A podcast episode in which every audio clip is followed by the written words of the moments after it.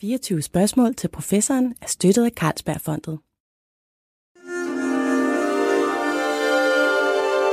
Du lytter til Weekendavisen. Her kommer 24 spørgsmål til professoren med Lone Frank. Og i dag skal det handle om kontrol. Mental og følelsesmæssig kontrol, for at være mere specifik. Det er jo et fænomen, jeg tror, vi alle sammen går og kæmper med i virkeligheden, og som vi kulturelt set har et interessant forhold til. Fordi det kan både ses som positivt og negativt, det her med kontrol. Vi vil jo gerne styre og kontrollere vores liv på mange måder, men samtidig tænker vi også på kontrollerede mennesker som sådan nogle lidt trælse og hæmmede typer. Men hvilken rolle spiller vores niveau af selvkontrol, vores evne til at kontrollere opmærksomheden, til at regulere, hvad vi husker og hvad vi føler, egentlig for vores liv? Det vil jeg tale med min gæst om. Velkommen til dig, Signe Ellerup Vangkilde. Tak. Du er neuropsykolog og professor ved Københavns Universitet. Og så beskæftiger du dig faktisk fagligt med mekanismer til mental kontrol. Hvorfor har det lige fanget dig? Mental kontrol er, som du siger, noget af det mest bærende for, at vi kan fungere i hverdagen. Det er bærende for, at vi kan fungere med andre mennesker. Vi må ikke skære for meget ud, vi skal ikke skære for lidt ud. Og det er også helt bærende for, at vi kan sætte os nogle mål for, hvad vi gerne vil med vores liv, både på den korte bane, men også på den lange bane. Og derfor er kontrol som fænomen super interessant fra et sådan kognitionspsykologisk perspektiv, som er det, jeg beskæftiger mig mm. mest med. Og du, øh, altså når du, som du siger, øh, kognitionspsykologiske, så er du jo meget interesseret i at komme ind i virkeligheden også og kigge på, jamen, hvad er hjernens mekanismer til de her forskellige typer kontrol? Ja, så vi prøver både at beskrive, hvad er de mentale mekanismer, altså på et psykologisk niveau, men også nogle gange på et, øh, på et mere neurobiologisk niveau. Mm. Hvor kan vi egentlig se, at de her processer bliver understøttet hen i hjernen? Men altså den primære interesse for mig ligger i, hvordan kan vi overhovedet beskrive mm. de her processer? Hvor ser vi, at de fungerer? Hvor ser vi, at de går galt? Og hvilke konsekvenser har det for os? Ja. Og så har jeg altid været fascineret af processer, som vi nogle gange ser går galt, Særligt hvis vi bevæger os over i de felter, hvor det kan gå rigtig galt. Det håber jeg, vi kommer til at tale lidt om på et senere tidspunkt. Psykiatriske tilstande for eksempel. Lige præcis. Ja. Men vi kender jo alle sammen situationer, hvor, hvor det er stukket lidt af for os, hvor vi øh, rent mentalt får trykket, eller trykket på den der store røde knap, som vi bare ikke burde trykke på mm. lige i det øjeblik. Ja. Jamen, øh, det er jeg sikker på, at vi, vi kommer ind på på forskellige vis. Øh, jeg kan nok slet ikke kontrollere det, faktisk. Først synes jeg, at vi skal tage øh, og tale om det, man sådan meget overordnet, også i den psykologiske litteratur, kalder selvkontrol. Self-control, conscientiousness. Øhm, og det er et meget stort felt i, i psykologien. Altså jeg kan se faktisk, at, at øh, hvad det hedder, næsten 5% af fagartikler, altså næsten hver 20. artikel, den har selvkontrol som, som et nøgleord. Det er et kæmpestort område. Og det kommer jo i virkeligheden øh, første gang op i øh, starten af 70'erne mm. med en meget, meget kendt test, nemlig marshmallow-testen. Walter ja. Mischel. Hvad er det, der sker der? Ja, men altså marshmallow-testen, som, som der sikkert faktisk er en hel del, der har, øh, der har set forskellige udgaver af, eller ovenikøbet måske selv prøvet, handler grundlæggende om, øh, om den udfordring, vi har ved at udsætte noget, som vi har lyst til at gøre lige her og nu, mm. til et senere tidspunkt. Og der er så forskellige overbygninger på den, som handler om, hvis vi bliver i stand til at udsætte noget, får vi så måske en større belønning ud af det. Og det er jo, øh, det er jo noget, som karakteriserer mange af de ting, vi gør i hverdagen. Vi tager for eksempel mange af os en uddannelse, nogle af os en utrolig lang uddannelse, kommer ja. ikke rigtig væk fra uddannelsessystemet igen. Og det gør vi jo med en forventning om, at det hårde arbejde, vi lægger i dag, det vil føre til noget godt i fremtiden. Også selvom det kan være lidt svært at se, og selvom man måske nok hellere ville have haft sin marshmallow lige her og nu, og ja. ikke få fem i næste uge. Ja. Det sjove var det her med, med, med de små børn i, i 4-5-årsalderen, som Walter Mischel han udsat for det her med, du kan få en marshmallow nu, så kan du spise den, eller du kan vente et kvarter, så får du faktisk to.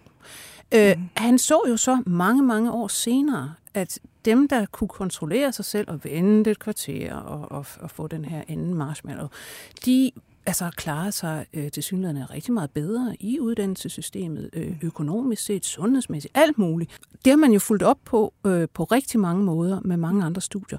Så hvad er det, man kan sige, at, at en god selvkontrol, en høj selvkontrol egentlig øh, afspejler sig i i løbet af et liv?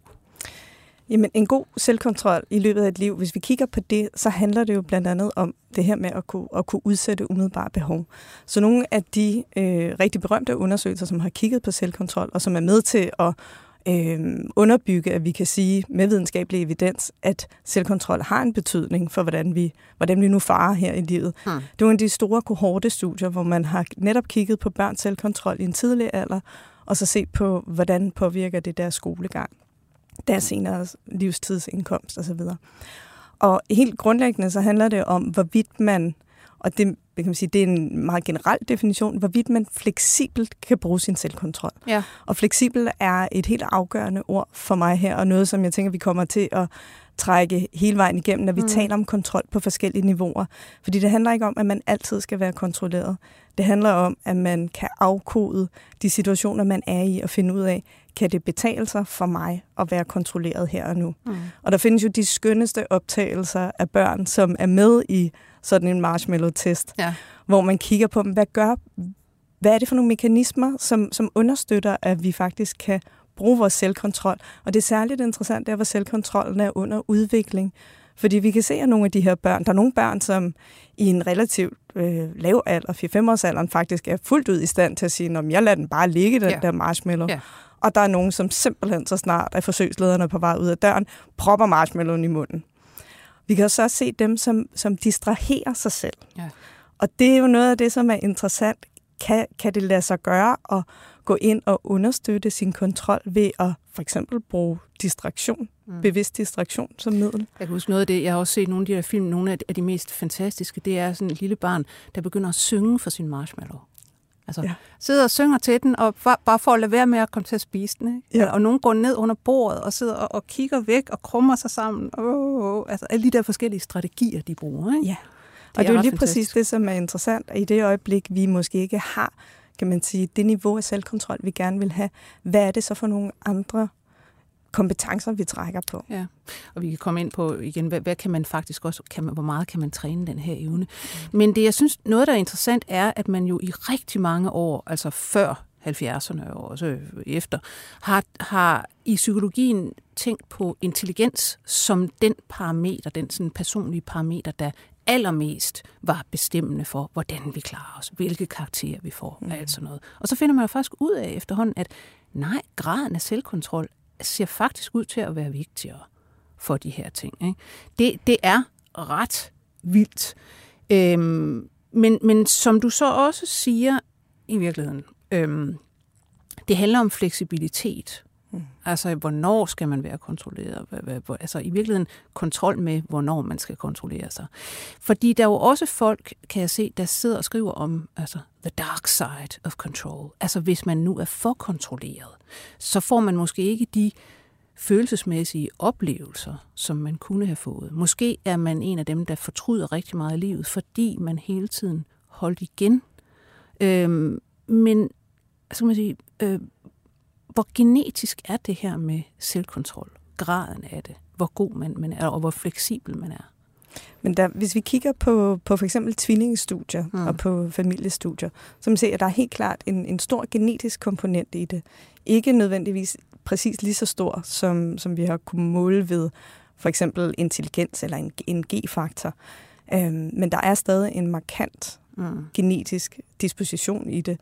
Det, der jo altid er interessant, det er altså at sige, hvad, hvad ligger der så råderum for ja. at, at ændre på det, eller mm. træne mm. på det, eller udvælge de situationer, som man sætter sig selv i på en måde, så man faktisk ja. får understøttet ja. den grad af kontrol, man nu har. Ja.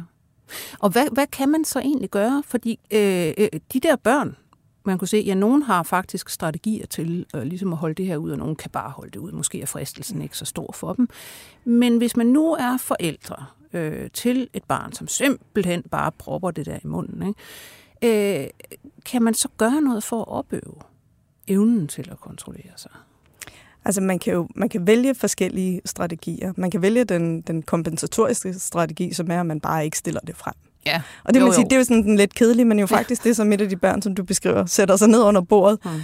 Øh, ude af øje, ude af sind, kunne man sige her. Det er jo ikke fuldstændig rigtigt, fordi det er jo stadig svært at kæmpe imod, for vi har jo stadig et mentalt billede af det, vi kunne tænke os at opnå. Ja. Men ellers så, så handler det om træning af at være i ubehagelige situationer. Og der er det, vi kommer meget tæt ind på træning i, hvad vi kunne kalde emotionsregulering. Fordi det her at kunne regulere, hvad det er for følelser, man har, når man sidder i meget vanskelige situationer, er noget, der hænger meget tæt sammen med graden af selvkontrol. For det er lige præcis det, som børnene gør i den her sammenhæng. De nedregulerer en, en negativ emotion, mm. hvis vi skal sige det sådan, så det lyder næsten lidt klinisk, ja. for, at, for at stå igennem. Det her, den her udfordring, som, som jo næsten, man kan se på dem, det er jo næsten lige før det kratter i hjernen på dem, så mm. gerne vil de have den, den men, det, men som sagt, det kommer vi faktisk tilbage til det her med, med ja. emotionel kontrol, fordi det også er, altså i virkeligheden er det jo også noget, som, som jeg sagde i starten, der, der anses for meget negativt på sin vis, men egentlig kan være rigtig positivt. Ja, og det, jeg kan rigtig godt lide, at du tager fat i det her med, om hvordan vi, hvordan mm. vi taler om det, fordi netop, ja, for meget kontrol, er man hæmmet, mm. er man en rigtig kedelig type, ikke? Jo.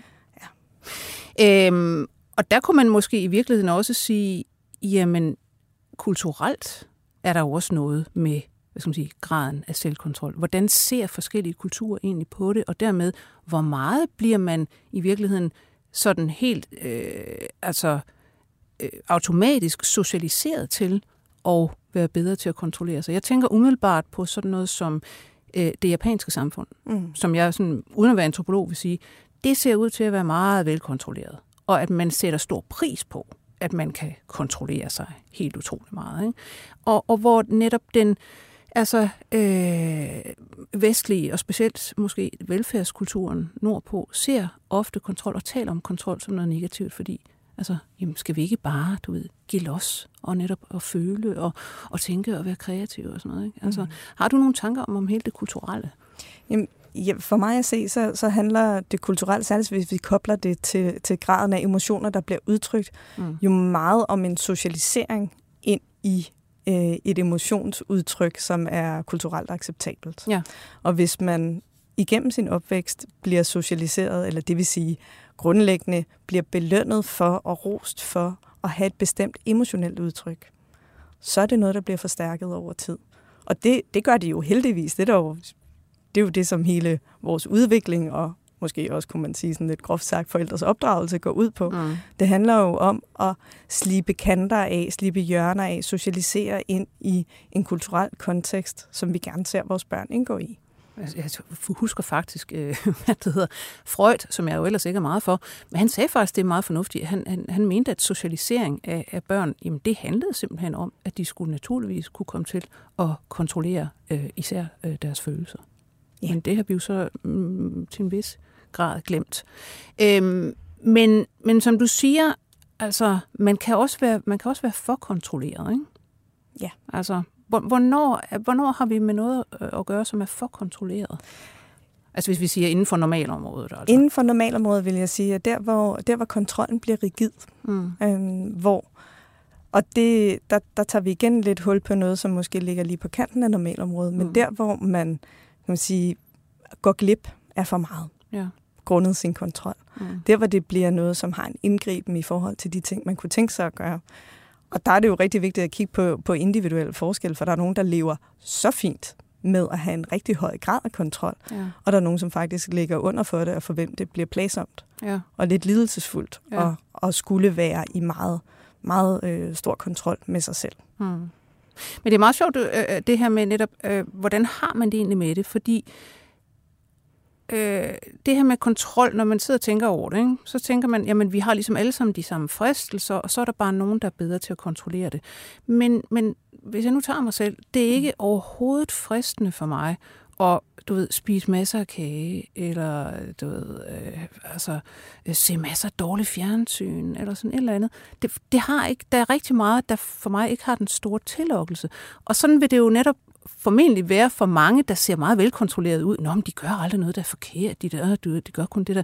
Jamen, hvis det ikke er den særlig store fristelse. Mm. Kontrollen kommer i virkeligheden først ind der, hvor det er en kæmpe stor fristelse, og man så altså, alligevel kan, kan holde sig tilbage. Så det er lidt snyd for nogle Det kan man sige, det er lidt snyd, og kontrol kommer ind både der, hvor der er en fristelse, som jo meget tit er individuel. Nogle gange så taler vi, og der er vi sådan over i, i, i hele afhængighedsspektret mm. om drug of choice. Ja det er bare ikke alle, der synes, at det samme, det er tiltrækkende, fristende, ligger noget, som man kunne blive afhængig af i sidste ja, ende. Ja.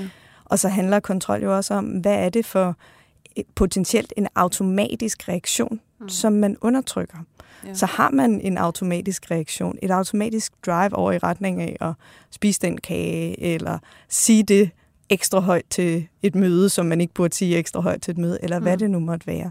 Så er det den her kontrol af det automatiske respons. Ja. Kan man sige noget om, hvorfor det egentlig er, at man med en højere grad af selvkontrol generelt klarer sig bedre i tilværelsen? Hvor spiller det egentlig ind henne? Altså, hvis vi kigger på skolesystemet, mm. øhm, så er der jo en, igen lidt generelt sagt, en masse fastsatte opgaver, man skal igennem. Der er en progression igennem et skolesystem. For at løse mange af de opgaver, så skal man holde næsen i sporet. Ja. Og man kan sige, at selvkontrol er noget af det, som jo også hjælper os til at holde næsen i sporet og sætte os nogle mål, som ligger ud over det umiddelbare. Mm. Og, og derfor kan det hjælpe til en lettere vej igennem et skolesystem, for eksempel. Ja. Der står også noget med, at nogen øh, har set, igen i de her korte studier, man har øh, kigget på øh, par tusind mennesker over mange år, at den der høje grad af selvkontrol allerede som barn, gør faktisk, at man til synligheden i, specielt i teenage-tiden, foretager mere fornuftige valg, om man så må sige. Og det på en eller anden måde bliver ved med at give igen. Ja, og det er jo også et spørgsmål om, at i teenageårene, der er der rigtig mange studier, der peger på, at der sker faktisk et, et, et lille dyk i selvkontrol. Mm. Og det er nok rigtig godt, at der ja. gør det, fordi hvis vi kigger sådan rent udviklingsmæssigt på, på os, så skal vi have nogle af dem, som, som farer afsted ud fra hjemmet mm. Opdager nye ting. Og det kræver mm. faktisk et, øh, et, et lille kontroltab. Det kræver en lyst mm. til at komme ud og forfølge noget af det umiddelbare fristende. Ja. Ja. Samtidig så skal man jo af god grund ikke have det for meget, for vi ved også godt, at der er øh, ret høje associationer med og nu siger jeg noget, som slet ikke skal skræmme livet af nogen som helst teenageforældre, men ret høje associationer med meget lav grad af selvkontrol og øh, tendens til at blive viklet ind i noget kriminalitet, tendens til at få øh, kontakt til det psykiatriske system mm. osv. Ja. Så vi kan se, at det er lav selvkontrol er simpelthen en, en risikofaktor ja. for nogle af de ting, som vi rigtig godt kunne tænke os, at teenagerne ikke kommer mm. til at blive involveret i. Ja. Og samtidig ved vi også, at nogle af de udfordringer, der følger med teenageårene, som for eksempel er nogle af de mentale udfordringer, som for nogle senere bliver til deciderede mentale øh, lidelser, at de, de dukker op her. Ja. Og efter al sandsynlighed, der er høj grad af selvkontrol, så en støttende faktor. Mm. Altså nu skulle man jo også tro, eller, øh, når man tænker på det her med uh, meget, meget kontrollerede mennesker, har de det så i det mindste ikke dårligt, fordi de ikke oplever noget. Men der er vel også en, en positiv sammenhæng mellem graden af selvkontrol og så faktisk tilfredshed med livet, eller det vi kalder lykke. Der er en, der er en rigtig høj grad. Og det er jo også derfor, det er vigtigt at gå ind og se på, hvad, hvad, er, den, hvad er det individuelle mål, mm. man nu har med sin tilværelse. Ja. For det kan da godt være, at jeg synes, at min nabo er vældig kontrolleret og kedelig. Mm.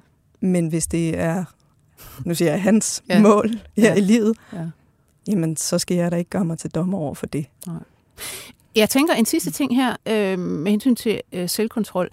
Hvordan indvirker den på kreativitet?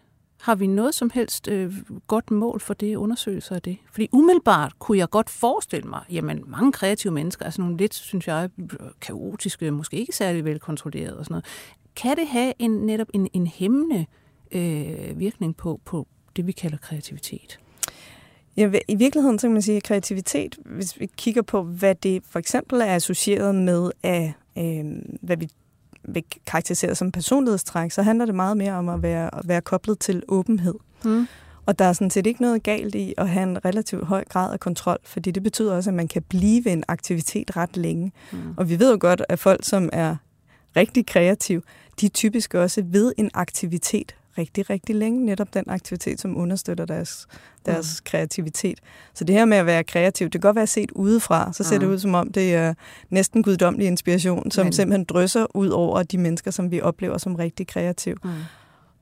Der er utrolig mange kreative processer, som kræver rigtig meget benarbejde, inden man når dertil. Ja. Og der kan en høj grad af selvkontrol godt hjælpe til med ja. det. Ja. Så selvkontrol her, den fleksible brug af selvkontrol, handler også om, at man lukker ned for alle andre potentielle løsninger på et problem.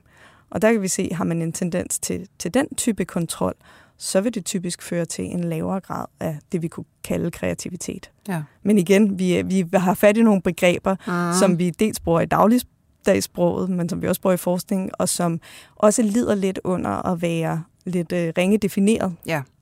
Men, men så lad os gå over til det, du netop selv arbejder med, som jo, altså det kan lyde som det samme som selvkontrol. Altså du arbejder med, med kognitiv kontrol.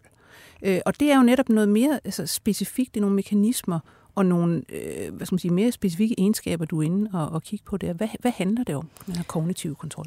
Kognitiv kontrol eller mental kontrol, øh, sådan som vi og, og jeg specifikt arbejder med det, er en, en samlebetegnelse for de mentale processer, som gør os i stand til at øh, sætte os mål og forfølge dem. Mm.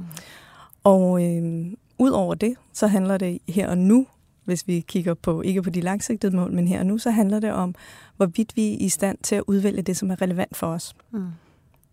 Og det betyder selvfølgelig, at når den selvkontrol, som vi har talt om, handler meget om de, de mere langsigtede mål.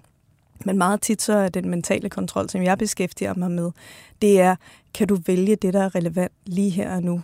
Altså i nogle opgaver, du simpelthen sidder overfor, eller en, en, øh, en situation, hvor du bliver stimuleret, eller der kommer ting ind fra forskellige Lige sider, præcis. og du skal ligesom ja. måske styre din opmærksomhed og sortere noget fra, og ja. så videre, så videre. Og der man sige, den, den mentale kontrol, som jeg kigger på, er dels, går dels helt tilbage til, til det, som du netop taler om nu, som er opmærksomhedskontrollen. Mm. Hvordan udvælger vi blandt alle de ting, mm. som kommer til os, jeg kigger på visuel opmærksomhed, så igennem vores visuelle system, altså at tage et skridt ud på strået, gå en tur ned ad gaden. Vi har simpelthen så meget visuel information til rådighed, så hvordan udvælger vi overhovedet i, hvad der er relevant? Ja. Det er en form for kontrol at gøre ja. det.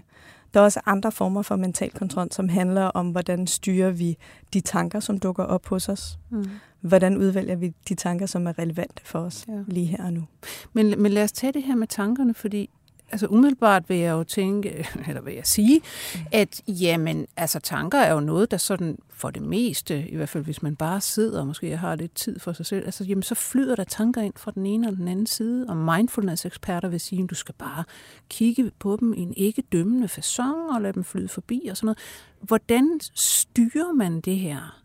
Øh, altså, er der, ja, Jamen, det, Hvad mekanismer ligger det, der bag det? er sjovt, du nævner mindfulness, mm. fordi vi har lavet nogle eksperimenter, der faktisk også peger på, at en højere grad af mindfulness tyder på, øhm, at man også er bedre, hvis man bliver sat i situationer, som kræver aktiv udvælgelse af relevant tankeindhold. Mm. Og det vil altså sige, at det, man træner at lade tanker flyde forbi en på en ikke dømmende måde, ja. som i øh, en sådan lidt hurtig, kan man mm. sige, definition af mindfulness, ja. vil sige, øhm, så, så træner man faktisk også sin opmærksomhedskontrol, fordi man træner det med at kunne give fleksibelt slip på kontrol og kunne fokusere sin kontrol igen. Det kan måske også være med til at, at beskytte mod, om man så må sige, bekymring. Det kan sagtens være med til at beskytte mod bekymring, fordi hvis vi kigger på bekymring, der hvor bekymring går over og bliver, hvad vi kunne kalde den, den mere sygelige bekymring, det som, som kan være problematisk for nogle mennesker at slippe af med, det vi kalder rumination. Ja. Altså bekymringstanker, som kommer grubler, igen og igen. Grubler. Lige præcis. Ja. Øhm, så, så er en manglende fleksibel kontrol øhm, lige der et problem, fordi at man ikke kan slippe de tanker igen. Ja. Og der er jo, for nogen bliver det jo vældig, vældig plagsomt at have grublerier, rumination, og kan faktisk overtage en stor del af folks dagligdag, hvis det er noget, man går og kæmper med. Det er noget, der bliver karakteristisk, hvis vi begynder at kigge på for eksempel depression. Ja, ja det, er jo, altså, det, er jo, det er jo netop det, at man kan simpelthen ikke lade være med at køre ind i nogle cirkler. Ja. Og så bliver man bare ligesom der, så kommer man ned i det der sorte hul til sidst. Ja. Øhm, men ja, det er vel, som du siger, tankekontrol, øhm, men vel også netop altså opmærksomhedskontrol. De to er vel altså næsten sammenhørende, er det ikke? Jo, fordi måde? man kan sige, det, det kan nogle gange hjælpe. Jeg bruger nogle gange som eksempel opmærksomhedskontrol. Opmærksomhed kan både være rettet udad, mm. og opmærksomhed kan også rette sig mod vores indre tankeprocesser. Ja. Så hvis vi netop går en tur ned ad gaden, så vil vores opmærksomhed være rettet ud mod de indtryk, som kommer udefra. Hvis vi retter opmærksomheden indad, så, man sige, så er der lige så mange potentielle ting, vi skal mm. vælge imellem. Altså vi ved godt, at vi har meget, meget smalt bånd bredde i virkeligheden på vores, øh, vores bevidste processer. Ja. Så vi siger nogle gange, at vi kan måske være visuelt opmærksom på en tre til fire elementer af mm. gangen. Og det er jo i virkeligheden ikke særlig meget. Det er jo ingenting af alt det her, der bombarderer os. Ingenting. Måske kan vi godt holde lidt flere elementer, hvis det er lydlige elementer. Nogen vil, vil måske have hørt nogen tale om 7 plus minus 2 kan man huske mm. elementer. Ja. Og det er altså, hvis vi taler, taler det auditive. Men det er faktisk ikke særlig meget, vi kan være Nej. bevidst opmærksom på på et givet tidspunkt. Og det vil sige, at vi har brug for vores opmærksomhedskontrol til at udvælge det, som er allermest relevant for os. Heldigvis skal vi skifte relativt hurtigt imellem forskellige ting. Mm. Men hvis man tænker på alle de ting, som potentielt kunne komme udefra, alle de tankeprocesser, som kunne blive bevidste for os på et givet tidspunkt, så har vi i allerhøjeste grad for brug for opmærksomhedskontrol mm. til at til at guide os igennem det. Altså man kan sige, det er jo det, altså hvis man siger, jeg sidder for eksempel øh, hver eneste dag og kæmper med, jamen jeg skal måske skrive en artikel, jeg skal, øh, du ved, øh, læse noget op til, til den her udsendelse, og jeg sidder foran min skærm, jeg sidder med mine ting, jeg skal læse, og øh, altså det der med at holde snuden i sporet i virkeligheden, og ikke lige lade sig distrahere, distrahere af noget andet, eller gå ud og tage en kop kaffe, eller, eller hvad det nu er. Og det er jo enormt krævende i virkeligheden. Altså det tager nogle kognitive ressourcer at skulle den der kontrol. Og jeg tænker nogle gange på, hvad, øh, hvad skal man sige, hvis, hvis I måler på mennesker, mm. altså øh, med nogle, I har formentlig nogle tests, der kan, der kan se på, hvor god er man til det her. Ikke? Ja. Øhm, hvordan styrer vi det? Altså, hvordan i alverden nedbryder man enten den evne til kontrol, eller gør den stærkere? Men der er det jo interessant, at vores, vores kognitive processer, det er, ynder jeg at sige, selvom det kan lyde for simpelt, jo lidt ligesom vores krop i øvrigt. Vi, hvis vi træner noget, så bliver vi stærkere og bedre til det. Så på mange måder, så kan man sige, hvis vi træner det at bruge kognitiv kontrol hvis vi træner det at være opmærksom over længere tid, så bliver vi faktisk også bedre til det. Men du har fuldstændig ret. Du siger, at det kræver mentale ressourcer, og jeg siger, at det er meget ubehageligt. Ja. Og det, det er jo simpelthen, det føles jo ubehageligt mm. at blive noget, som er kedeligt. Ja. Men man kan godt træne det. Men det er så bare, i virkeligheden det eneste, man kan sige, det er, det er, gør det på den hårde måde. Bare gør det. Ja, faktisk altså. langt hen ad vejen er det. Og så igen er der selvfølgelig også mulighed for at kombinere det med noget kompensatorisk man kan godt prøve at sørge for, at de distraktioner, man møder, er så få som muligt. Plus måske kan man bruge belønning. Og altså bel- sige til sig selv, ved du hvad, så får du simpelthen, om det er to marshmallows, eller øh, lov til at gå ud og tage en kop kaffe, et eller andet, når du har ja. gjort det her. Og jeg tror, at det, som, som jeg nogle gange taler ind i, når vi taler om, hvad skal der så til som belønning, kan man holde en pause som belønning? Det kan man godt. Så skal det være en reel pause. Fordi vi kan se, at noget af det, som understøtter ens øh, mentale robusthed over for distraktioner, det er faktisk også, at man, man skifter øh, aktivitet, men først efter et stykke tid. Ja. Så det her med hele tiden at ligge og skifte, som vi jo godt ved er udfordret, fordi du talte om at sidde og skrive på en skærm. Der fordi foregår mange andre ting på en skærm. Lige præcis. Ja. Øhm, men vi ved godt, at hvis man kan få tilrettelagt sine aktiviteter, så de faktisk skifter lidt, så får man naturligt et boost i den, øh, den tid, man kan holde sin opmærksomhed mm. på noget. Men så kommer jeg til at øh, spørge om det her med netop online-tilværelsen. Øh, at vi er på diverse medieplatforme, vi får hele tiden distraktioner ind potentielt, og vi kan selv tage telefonen frem, og så kan der vælte ud med distraktioner, hvis vi vil. Øh, og det er der jo generationer, der, der vokser op med, at det har de gjort, for de var to år gamle og fik deres første iPad. Øh, kan man sige, at opmærksomhedskontrollen, den hvad skal man sige, kognitive kontrol, er under pres generelt set på øh, befolkningen? Øh, eller er det bare hysteri at sige, at de her skærme og så videre, de gør noget ved vores opmærksomhedskontrol? Øhm, jeg, jeg vil godt gå så vidt som til at sige, ja, opmærksomhedskontrol er under, under pres. Mm. Opmærksomhedskontrol kunne også være under pres af alt muligt andet, mm. som hele tiden tilbød os distraktioner i rigt mål uden at vi skulle flytte os for dem. Ja. Fordi man kan sige, noget af det, der er jo interessant ved mange af de fristelser, som vi ellers står overfor, det er grundlæggende, at vi skal flytte os for at få dem.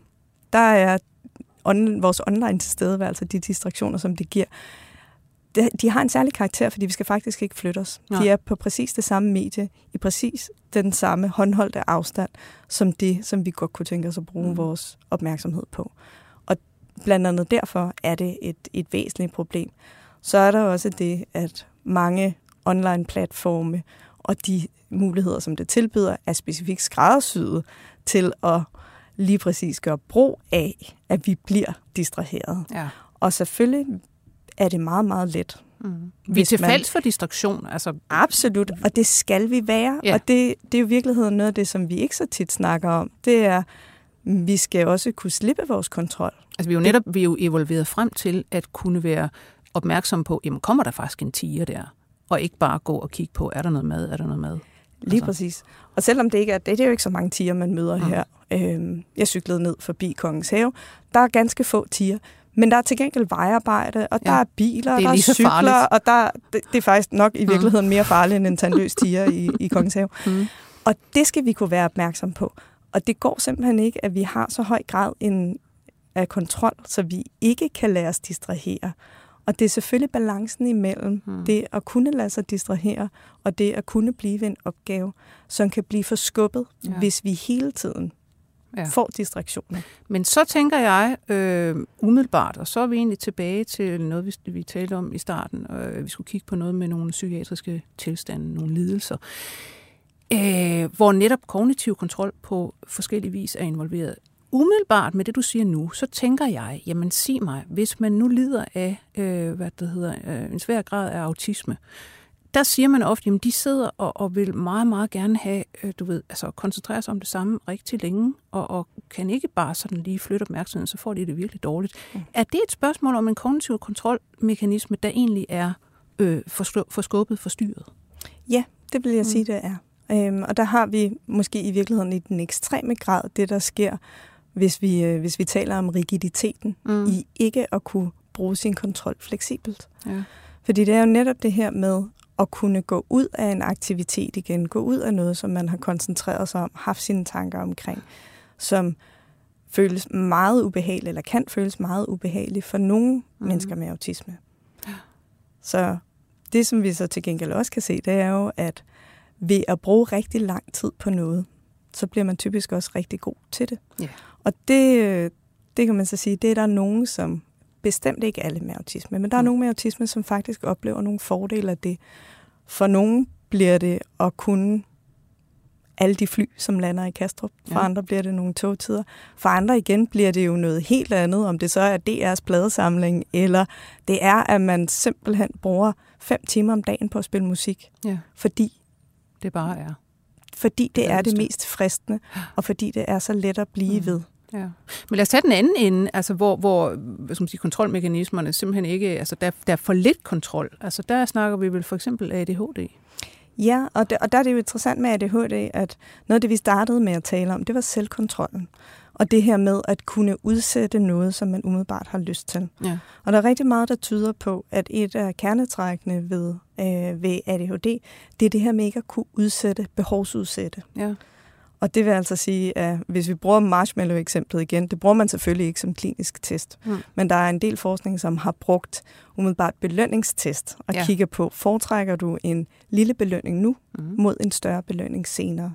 Og der er det i hvert fald en stor del af den forskning, der er lavet på grupper med ADHD, der viser en forskydning af, hvor stor skal den belønning senere være, før Mhm. at vi faktisk er i stand til at vente på det. Ja. Ja. ja. Så en belønning, eller en, en forskydning af den her belønningsgradient, Mm. kunne Ja. vi kalde det. Ja.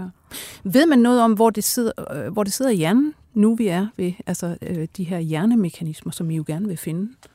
Ja, øh, vi ved, at det sidder i mere i de frontale områder af hjernen, og det kommer ikke som en, en kæmpe stor overraskelse, fordi mange af de ting, vi taler om her, dem kunne vi også kalde højere ordens kognitive funktioner. Og det ved vi, de er typisk knyttet til øh, de forreste dele af hjernen. Mm. Der er rigtig meget, hvis vi kigger på øh, den her konkurrence, som der forløber imellem det kontrollerede, som er viljestyret i meget høj grad, Mm. mm. og det automatiserede, som måske er mere vanebaseret som, som vi også godt ved, at der er nogle af de dybere hjernestrukturer, for eksempel i basalganglerne, som er involveret i. Og der kan vi se, at hvis vi kigger på, på netop nogle af de dybere hjernestrukturer som basalganglerne, det er noget af det, der understøtter den her fleksible, det fleksible skift imellem det kontrollerede Mm. og det automatiserede. Ja, det er jo virkelig nogle, nogle områder, der har at gøre med altså, øh, noget emotionelt, øh, noget sansemæssigt, noget, altså, øh, man, man fornemmer noget driftsagtigt. Og der kan vi se, at nogle af de, øh, at i virkeligheden ikke specifikke områder, men måske mere specifikke kan vi sige, loops i hjernen, Ja. som vi interesserer os for, det er øh, forbindelserne imellem de her lidt dybere strukturer som basalganglerne, og så forskellige dele af, øh, af frontallappen. Ja. Hvor vi kan se, at hvis det er nogle bestemte loops, så, øh, og jeg tænker ikke, der er nogen grund til at gå ind i specifikt, hvad, vi- hvad vi kalder det ene eller det andet. Nej. Der er nogle af dem, som understøtter konkurrencen imellem automatiserede og kontrollerede handlinger. Der er nogle, der understøtter konkurrencen imellem automatiserede og kontrollerede emotionelle responser. Mm. Så vi kan se, at det er altså de samme områder i hjernen, som synes at være involveret i den her balance, vippegang imellem det kontrollerede og det automatiserede. Når det er sagt, så kan vi jo meget, meget sjældent sige, at der er et område i hjernen, som er ansvarlig for én ting. Sådan er det aldrig, Ja. stort set. Altså, det er altid noget med netop, altså kommunikationen mellem dem kan være forskudt på den ene og den anden måde. Øhm, en anden lidelse, som jeg ved, du også er er interesseret i, OCD, altså det her med øh, tvangshandlinger, tvangstanker, øh, der er vi vel også inde i noget, hvad skal man sige, øh, rigiditet og en, en, hvad skal man sige, øh, en mangel i det her viljestyret. Nu fjerner jeg altså min opmærksomhed for det her. Ja, fordi der kan vi se, at nogle af de tvangstanker, der kommer op, dem kunne vi faktisk konceptualisere som, som uønskede erindringer.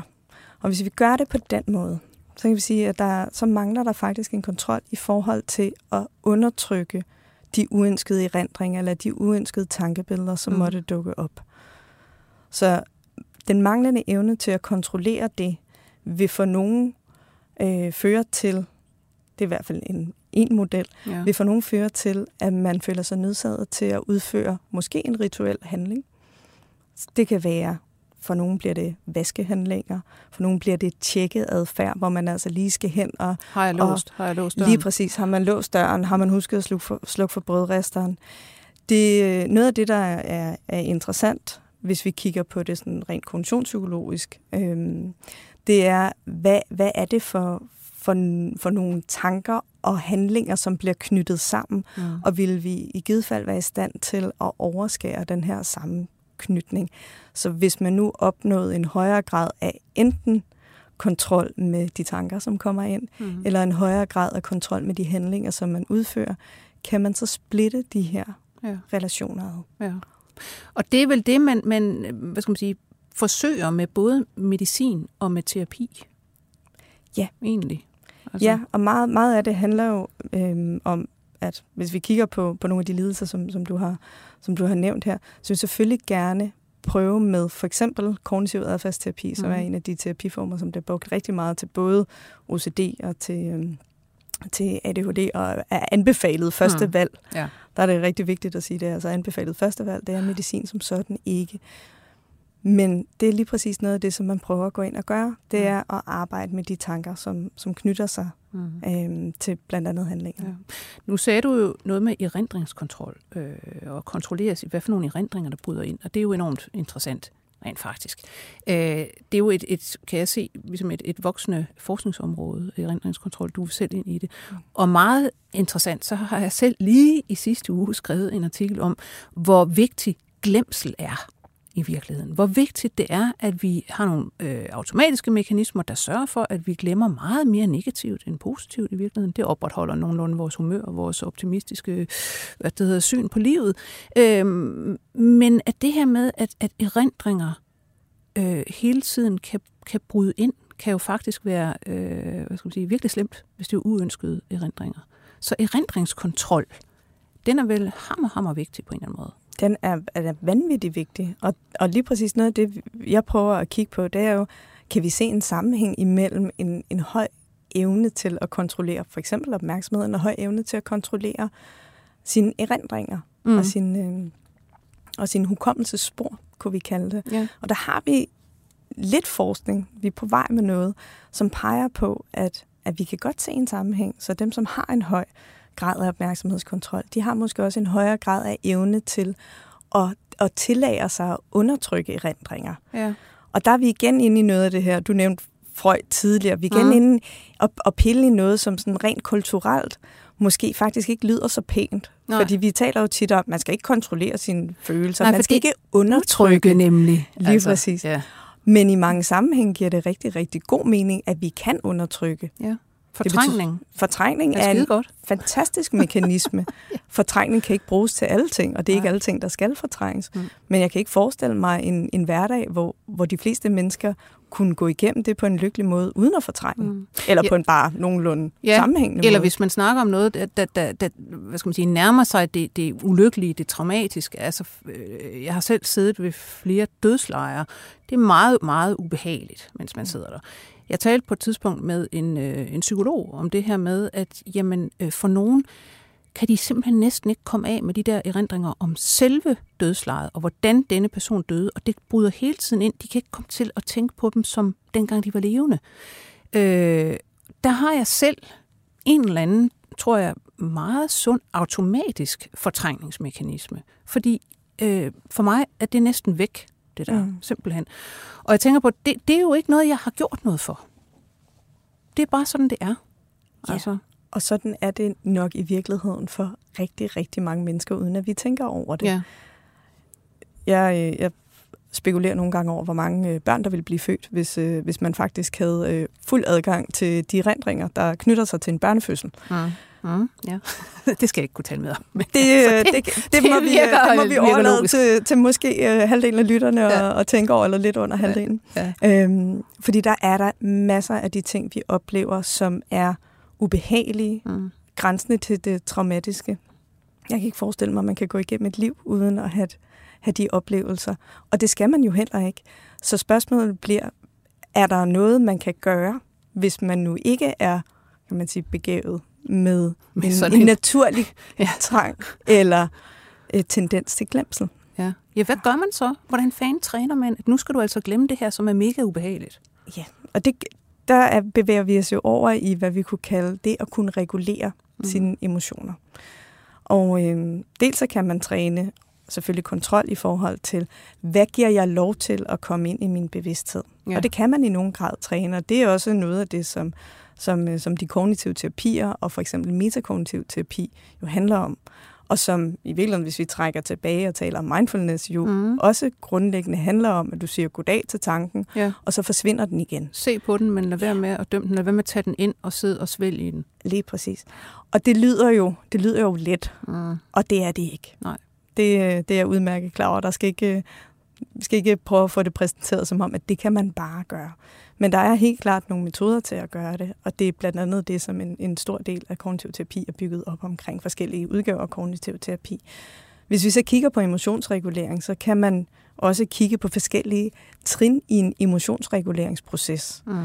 Fordi der bruger vi nogle gange et, et overordnet, sådan en overordnet rammeforståelse, som, som dels handler om, sætter du dig selv i situationer, hvor du vil kunne møde ja.